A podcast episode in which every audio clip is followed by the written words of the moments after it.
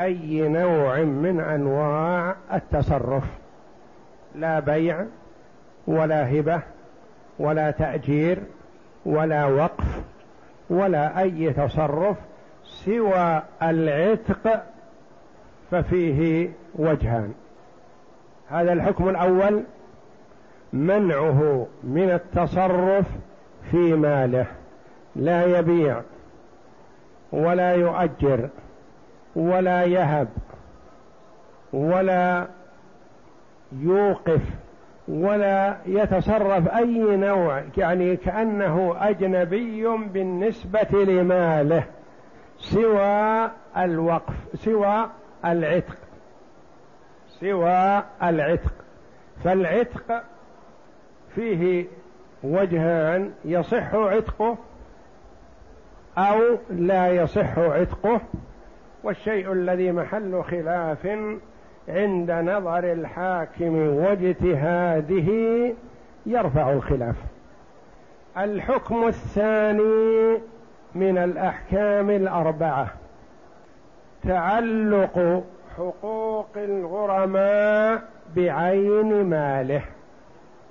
الغرماء هذا له خمسة وهذا له عشرة وهذا له ثمانية وهذا له ستة له هذا البيت. كل واحد من هؤلاء له حق في هذا البيت. فلا يجوز أن يباع البيت على واحد من الغرماء ويستوفي به.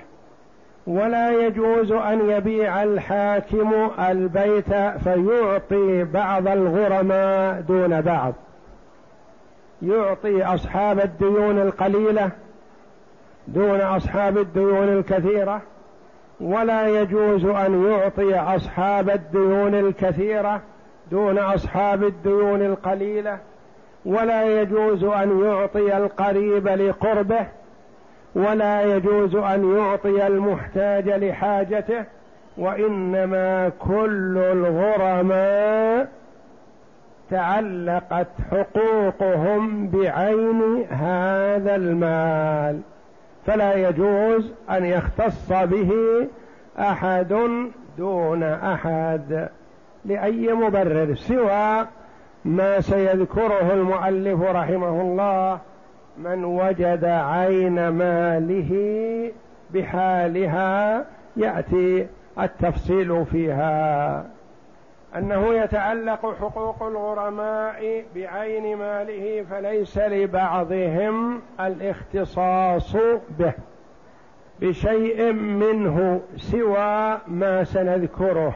يعني إذا وجد الغريم عين ماله بحاله لم يتغير ولم يقبض من قيمته شيء كما سيأتي بشروطه. ولو قضى المفلس أو الحاكم بعضهم وحده لم يصح. لو باع الحاكم شيئا من أموال المفلس ثم جاءه أحد الغرماء وأعطاه القيمة ما صح. لأن لكل واحد من الغرماء حق في هذه القيمة. قل دينه أو كثر قلت القيمة أو كثرت كلهم في سواء. فلا يقال هذا يعطى لأنه صاحب لسان يتكلم نفتك منه. ولا هذا نعطيه لأنه فقير ولا هذه نعطيها لأنها عجوز ضعيفة. لا الغرماء كلهم يدلون بهذه القيمة على نسبة ديونهم. ولو قضى المفلس. ولو قضى المفلس أو الحاكم بعضهم وحده. لم يصح لأنهم شركاؤه فلم يجز اختصاصه دونهم. ما يجوز أن يختص بعضهم بالقيمة دون بعض. نعم. ولو جني عليه جناية أوجبت مالا أو ورث مالا تعلقت حقوقهم به. و... ولو جني عليه جناية أوجبت مالا. المدين جني عليه بجناية. هذه الجناية لا يخلو. قد توجب قصاص وقد توجب مال. إذا أوجبت المال تعلقت حقوق الغرماء بهذا المال. إذا أوجبت قصاص فسيأتي. أوجبت مال جني عليه صفع أو ضرب أو جني عليه كسرت رجله أو نحو ذلك. فطلب المال أو كانت أصلا هذه الجناية ما توجب قصاص وإنما توجب أرش فإن ديون الغرماء تتعلق بهذا.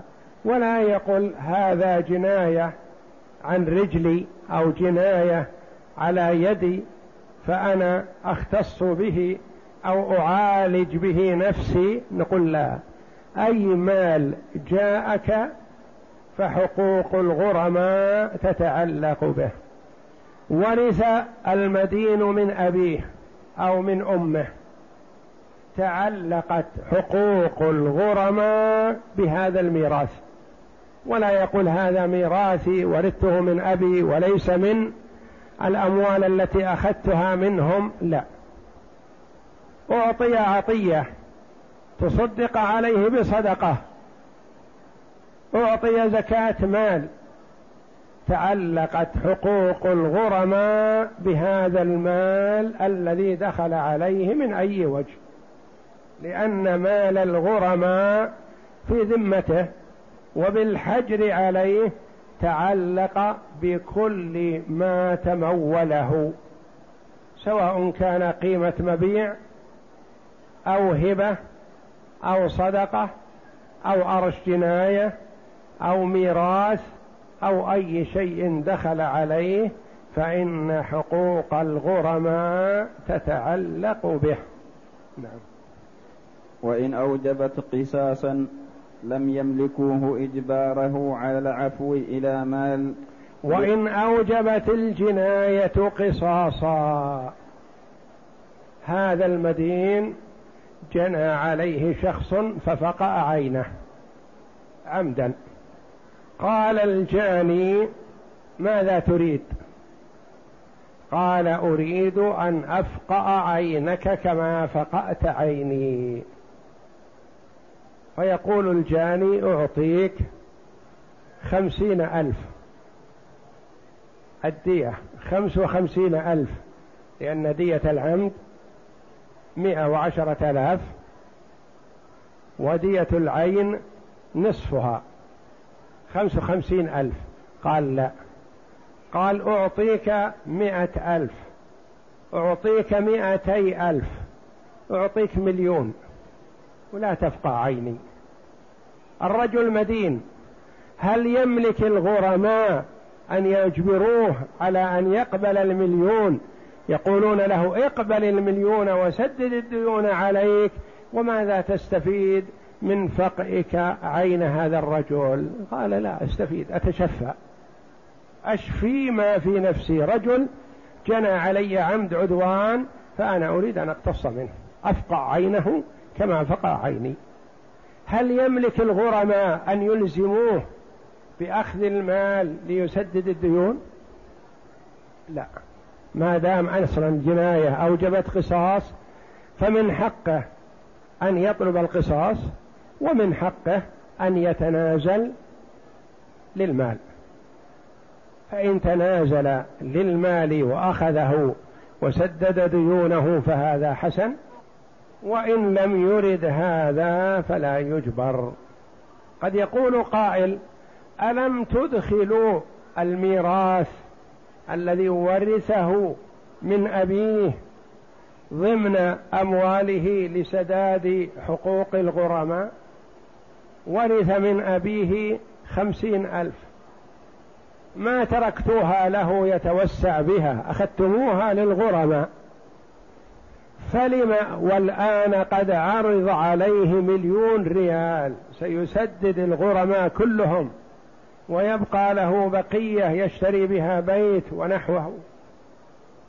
ألا تلزمونه؟ نقول لا لا نلزمه. إن رضي بهذا فبها. وإلا فالقصاص فيه مصلحة عظيمة. مصلحة للفرد ومصلحة للمجتمع. زجر لكل من تسول له نفسه الإفساد والأذى لأن كثير من الناس لا تهمه الدراهم وقد يعطي الكثير وهو لا يملك شيء لكن يعرف أن إخوانه المسلمين سيساعدونه. إذا ذهب يجمع قد يجمع أكثر مما طلب منه. فيقول لا ما أريد المال. وإن كنت مدينا وإن كنت فقيرا لكن أريد أن أتشفى أشفي ما في نفسي. إذا رأيته يمشي بعين واحدة أستريح. كيف يفقع عيني وأتركه يمشي بالعينين؟ كيف يتعمد كسر رجلي وأتركه يمشي على قدميه؟ خلوا يمشي على قدم واحدة. فالقصاص لا يمنع منه وإن أعطي المال الكثير. لأن في القصاص معنى عظيم يستفيد منه هذا الجاني ويستفيد منه غيره. لأن الجاني إذا جنى على رجل امرئ وكسرت رجله قصت رجله من حيث كسرها يمتنع لو طلب منه مئات الآلاف قد يجمعها بيسر ثم يذهب ويتعدى على شخص آخر يكسر رجله أو يقطع رقبته أو يفعل به فعلا مشينا. فالقصاص فيه مصلحة للجاني نفسه وفيه مصلحة للمجتمع كما قال الله تبارك وتعالى ولكم في القصاص حياة. القصاص الذي هو القتل سماه الله جل وعلا حياة. لأن المرء إذا علم أنه إذا قتل قتل امتنع عن القتل. فسلم المقتول الذي يراد قتله وسلم هو وسلم المجتمع كله. أما إذا كان عند القتل يسجن بسيط السجن. عند تغير الأحوال وتقلب الأمور يخرج. فالقصاص فيه حياة وفيه مصلحة عظيمة فلا يجبر عليه المدين لا يجبر على الدية لا يجبر على المال إذا رغب في القصاص. وإن أوجبت قصاصا لم يملكوا إجباره على العفو إلى مال لأن فيه ضررا بتفويت القصاص الواجب لحكمة الإحياء. لحكمة الإبقاء على النفوس الإحياء. مثل ما لو قتل ولده عمد عدوان. فقيل للمدين ولدك راح. نعطيك المال. قال لا ما أرضى حتى أقتل من قتل ابني. ففي القصاص مصلحة للإحياء للإبقاء على النفوس. ولا يجبر على قبول هبة ولا صدقة ولا قرض عرض عليه. ولا يجبر على قبول هبة ولا صدقة ولا قرض. المدين المحجور عليه بالتصرف في ماله يطالب بأموال وماله قليل. جاءه جاره وقال أريد أن أعطيك مبلغ كذا وكذا لتسدد به الديون. قال لا جزاك الله خير ما يحتاج.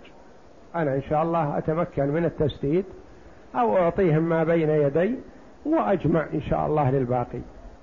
هل يجبر يقال نلزمك أن تقبل هدية جارك أو تقبل الصدقة التي تصدق بها عليك أو تقبل القرض الذي أتاك من زيد أو عمرو؟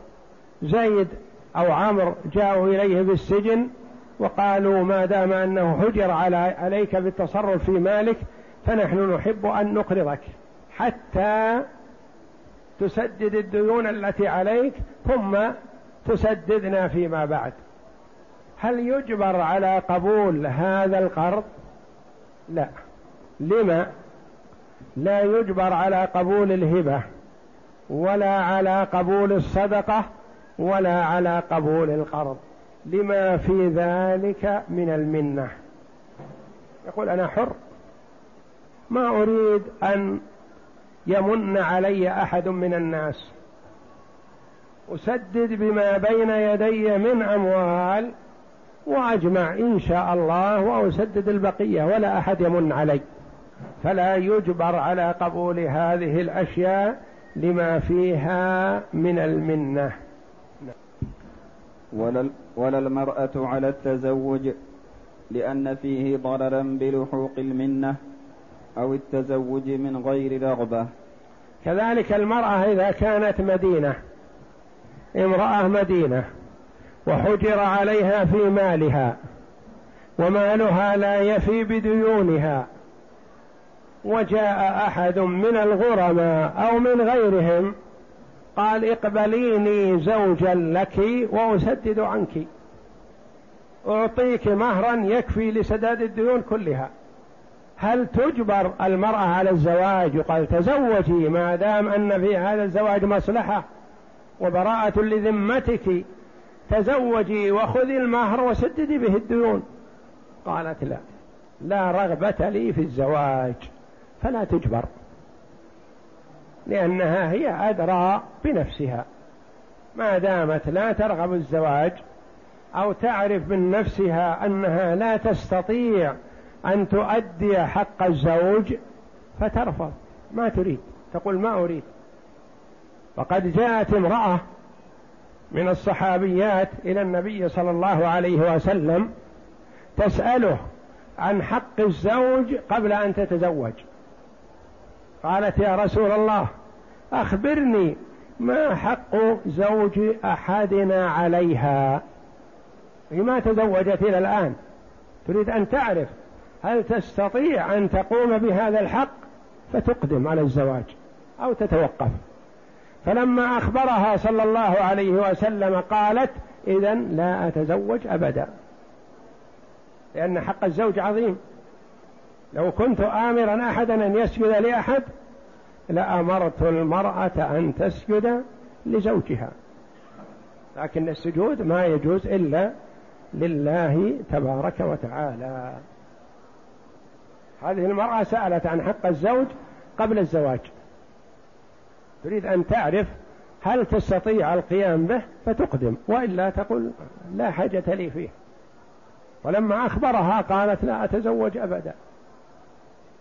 أنها تخاف على نفسها أن لا تقوم بحقه كما قال عليه الصلاة والسلام زوجك هو جنتك وهو نارك. يعني إذا كنت معه خير امرأة فهو جنتك سبب لدخولك الجنة في الآخرة. وإذا أسأت إليه فذلك سبب لدخولك النار في الدار الآخرة. وقال عليه الصلاة والسلام عن النساء رأيتكن أكثر أهل النار. قالت امرأة من النساء ولم يا رسول الله؟ قال لأنكن تكثرن الشكاية وتكفرن العشير. لو أحسنت إلى إحداهن الدهر ثم رأت خير شيئا ما لقالت ما رأيت خيرا قط. فهي تكفر نعمة الزوج وتجحدها عند أتفه الأسباب. فلذا استحقت هذا الوعيد والعياذ بالله. فالمرأة لا تجبر على الزواج من أجل سدود سداد ديونها. نعم. ولو باع بشرط الخيار لم يجبر على ما فيه الحظ من رد أو إمضاء لأن الفلس يمنعه إحداث العقود لا إمضاؤها لا إمضاءها. لا إمضاءها. وليس للغرماء الخيار لأن الخيار لم يشرط لهم. ولو باع بشرط الخيار لم يجبر على ما فيه الحظ من رد أو إمضاء. الرجل باع أو اشترى قبل الحجر عليه. وجعل له الخيار لمدة شهر. في هذه الأثناء مدة الخيار حجر على الرجل رفع الغرماء دعواهم إلى القاضي فحجر القاضي على الرجل. الرجل باع أو اشترى سيان وله الخيار لمدة شهر والآن باقي من الشهر. فهل يملك الغرماء أن يجبروه على نوع من الأمرين؟ يجبروه على البيع أو يجبروه على الشراء أو على عدم ذلك مثلا؟ هل يملكون هذا لأن حقوقهم تعلقت بماله؟ لا. لما؟ قال لأن الحجر يمنع ابتداء التصرف. يمنع البيع والشراء. لكن هذا بيع وشراء حصل من قبل. وما بقي إلا الإمضاء أو عدمه. فالغرماء لا يملكون إجباره على واحد منهما.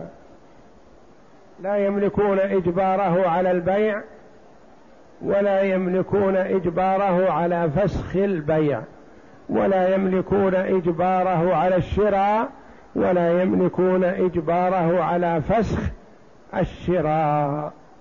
لأن الفلس يمنعه إحداث العقود يعني ابتداء العقود.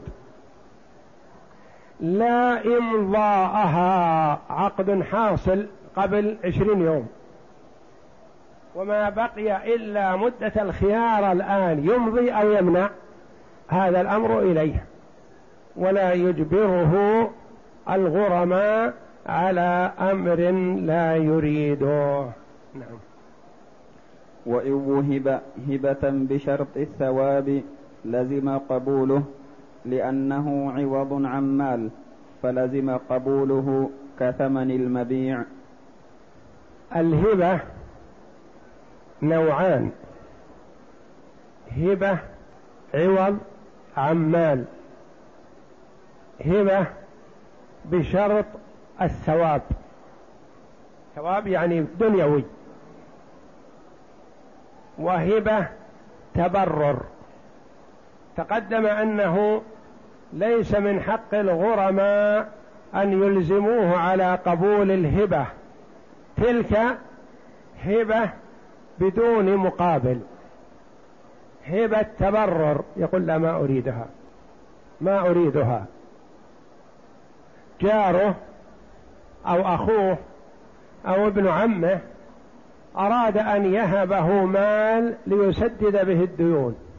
يقول لا يا أخي مالك لك وبارك الله لك في مالك ولا أريد منك شيء. يجبره الغرماء على أن يقبل هذا المال ليسددهم؟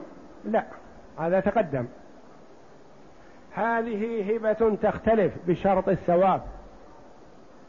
الهبة بشرط الثواب يعني أن تعطي شخص عطية تريد منه أن يرد عليك مقابلها.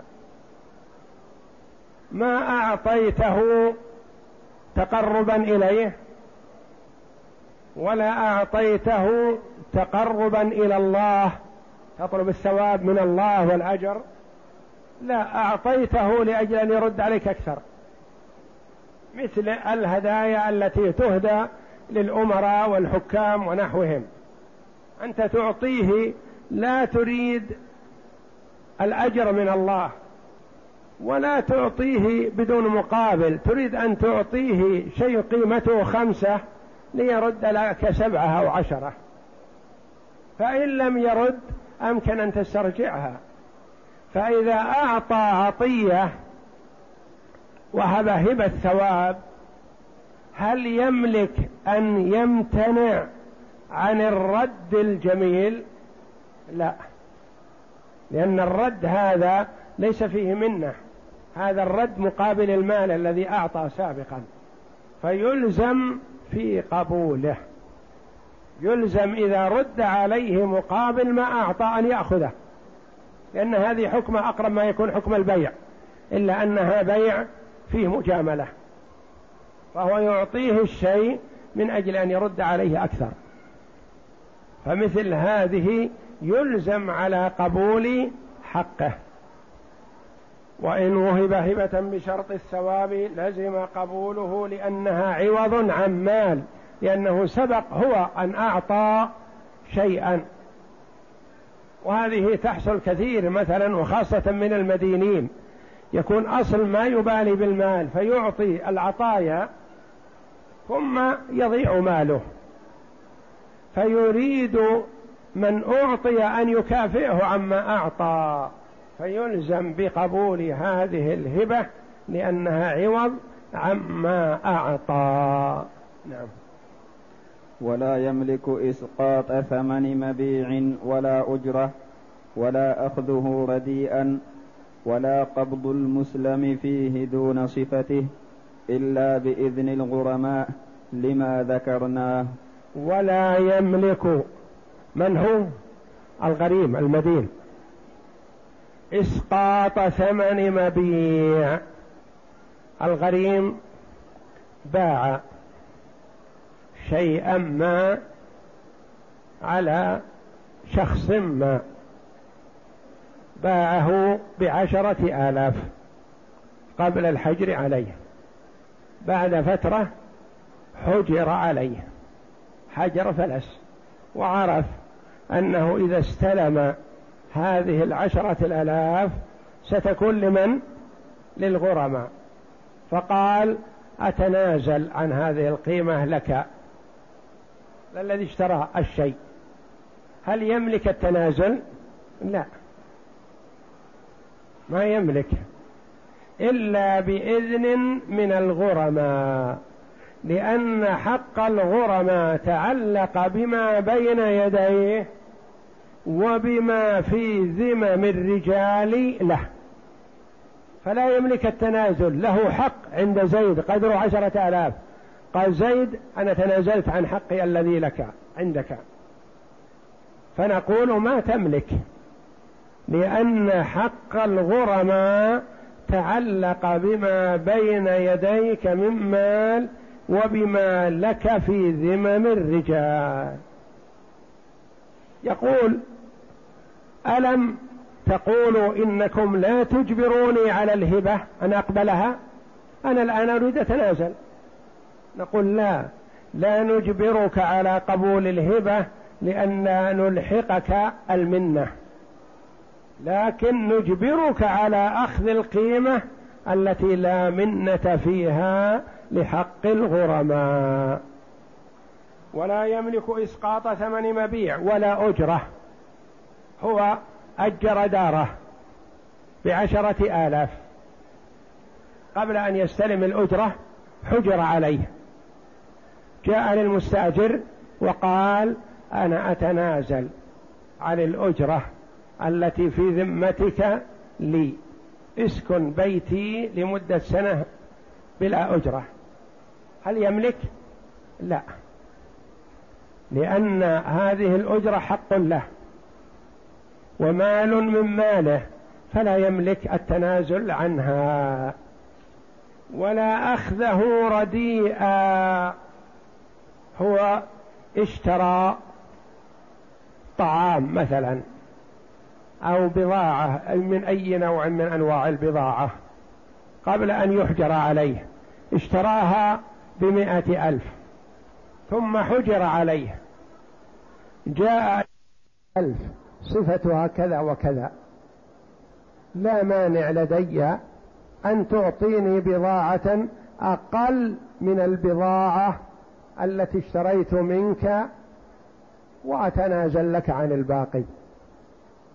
أعطني بضاعة من نوع ردي أو من نوع وسط لأن أي بضاعة تعطيني سيأخذها الغرماء. وأنت صاحب معروف علي فما أريد أن أستوفي حقي منك. البضاعة التي اشتريتها منك بمعدل مئة ألف. الآن أعطني نوع البضاعة لكن مما يقابل تقريبا خمسين ألف.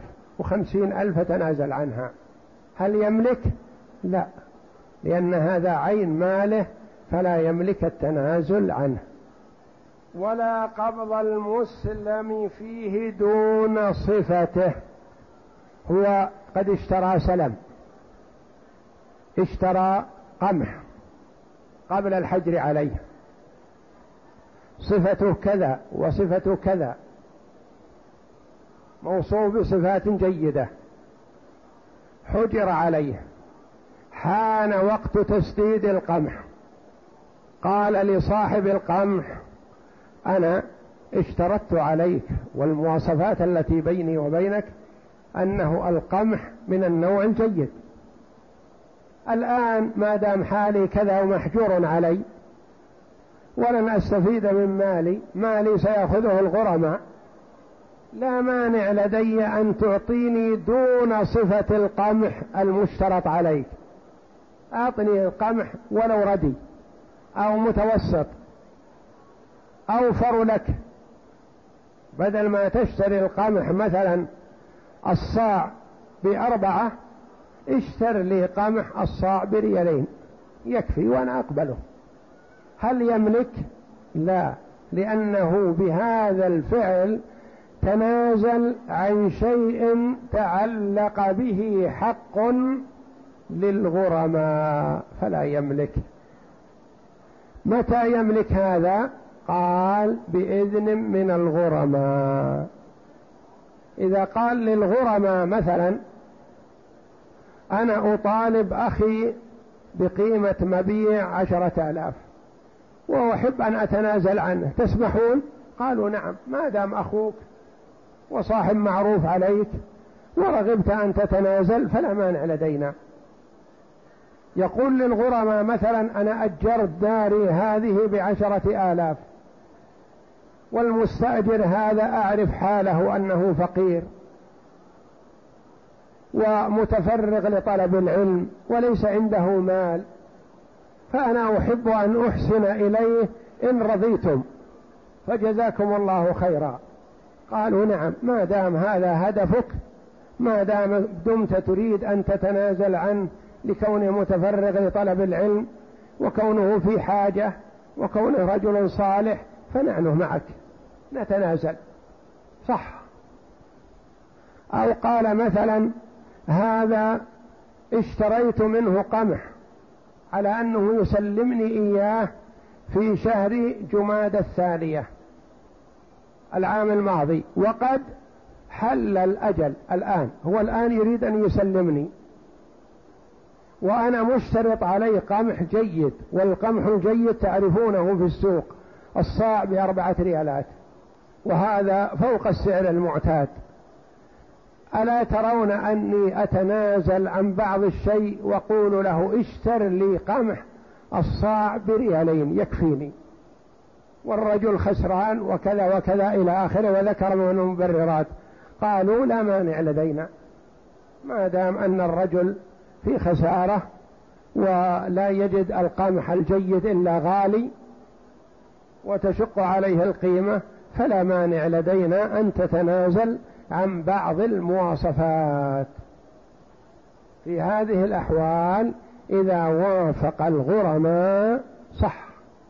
أما أن يتنازل بدون موافقة الغرماء فلا يملك لأن حقوق الغرماء تعلقت بماله كله. نعم. وإن ادعى مالا له به شاهد حلف وثبت المال وتعلقت حقوقهم به. وإنك ل... لل... وإنك لم يكن للغرماء أن يحلفوا لأن دعواهم لهذا المال غير مسموعة فلا يثبت بأيمانهم كالأجانب. وإن ادعى مالا له به شاهد. حلف. المدين قال عند فلان لي مئة ألف. لو أعطاني إياها سددت كثيرا من ديوني. فأقام دعواه عند القاضي. أنه طالب فلان بمائة ألف. فيقول القاضي هل عندك بينة؟ يقول نعم عندي شاهد واحد حاضر عندنا فلان إن كان ما نسي. فطلب القاضي الشاهد وقال نعم أشهد بالله بأن لفلان هذا الحاضر المدين له على هذا الرجل الحاضر مئة ألف سلمها إياه وأنا عنده أو قيمة مبيع صفته كذا وكذا أو نحو ذلك. ذكر الصفة. قبلت شهادة الشاهد. قال القاضي للمدعي أحضر شاهد ثاني أو أحضر امرأتين مع هذا الشاهد. قال ما عندي أحد. أنا وثقت بالرجل وما أشهدت عليه إلا هذا كان حاضر صدفة وإلا حتى ما قصدت أن أشهده. لكن مر ونحن نسلم المال أو نتبايع أو كذا وإلا أنا ثقتي به كبيرة وما كنت أظن أنه ينكر. دور لنا شاهد قال ما عندي. يقول القاضي للمدعي تحلف بأن عنده لك كذا وكذا. فنكتفي بشاهد ويمين. حلف.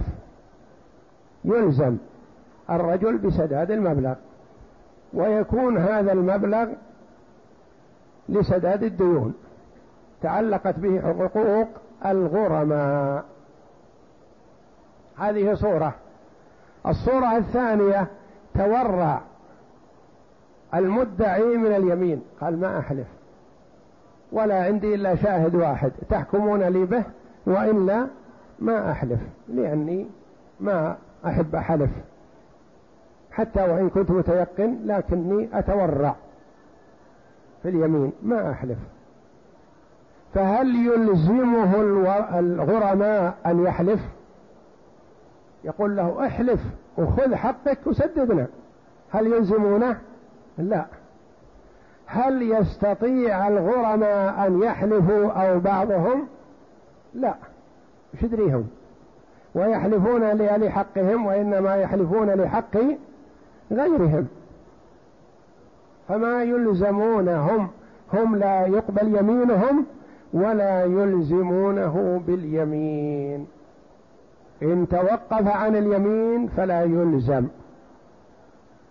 وإن حلف وأخذ المال سدد به الغرماء. وإن توقف عن اليمين فلا يلزم. وإن توقف عن اليمين فلا يلزم الغرماء ولا يجوز أن يحلف أن يحلف الغرماء لأنهم يحلفون على حق لغيرهم ما علاقتهم وما صفتهم. والمرء قد يتوقف في اليمين تورعا. وإن كان عنده يقين أن حقه ثابت. وللسلف رحمة الله عليهم في مثل هذه المسألة مذهبان. عمر رضي الله عنه يقول لا تمنعكم اليمين من حقوقكم والله إن في يدي عصا. ويشير بالعصا. يقول الشيء الثابت الذي أنت متيقنه لا تتوقف فهو يحلف من دون أن يحلف بأن في يده عصا. ومعه بيده العصا وهو على المنبر رضي الله عنه. وعثمان رضي الله عنه توجهت عليه اليمين فأبى أن يحلف وأعطى الحق الذي عليه. مطالب بشيء توجهت عليه اليمين فقال ما أحلف؟ قيل له احلف وتبرأ. قال لا أحلف. لا يوافق قدرا فيقال بيمين عثمان أعطي المال ولا يهمني ولا أحلف. وهو واثق من صدق نفسه رضي الله عنه لكن يقول أخشى أن يوافق شيء في قدر الله جل وعلا قدره علي ثم يتحدث الناس يقول بيمين عثمان.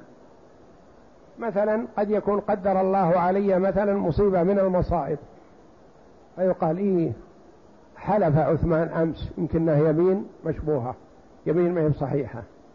فجاءه ما جاءه يقول لا أعطي المال ولا أحلف.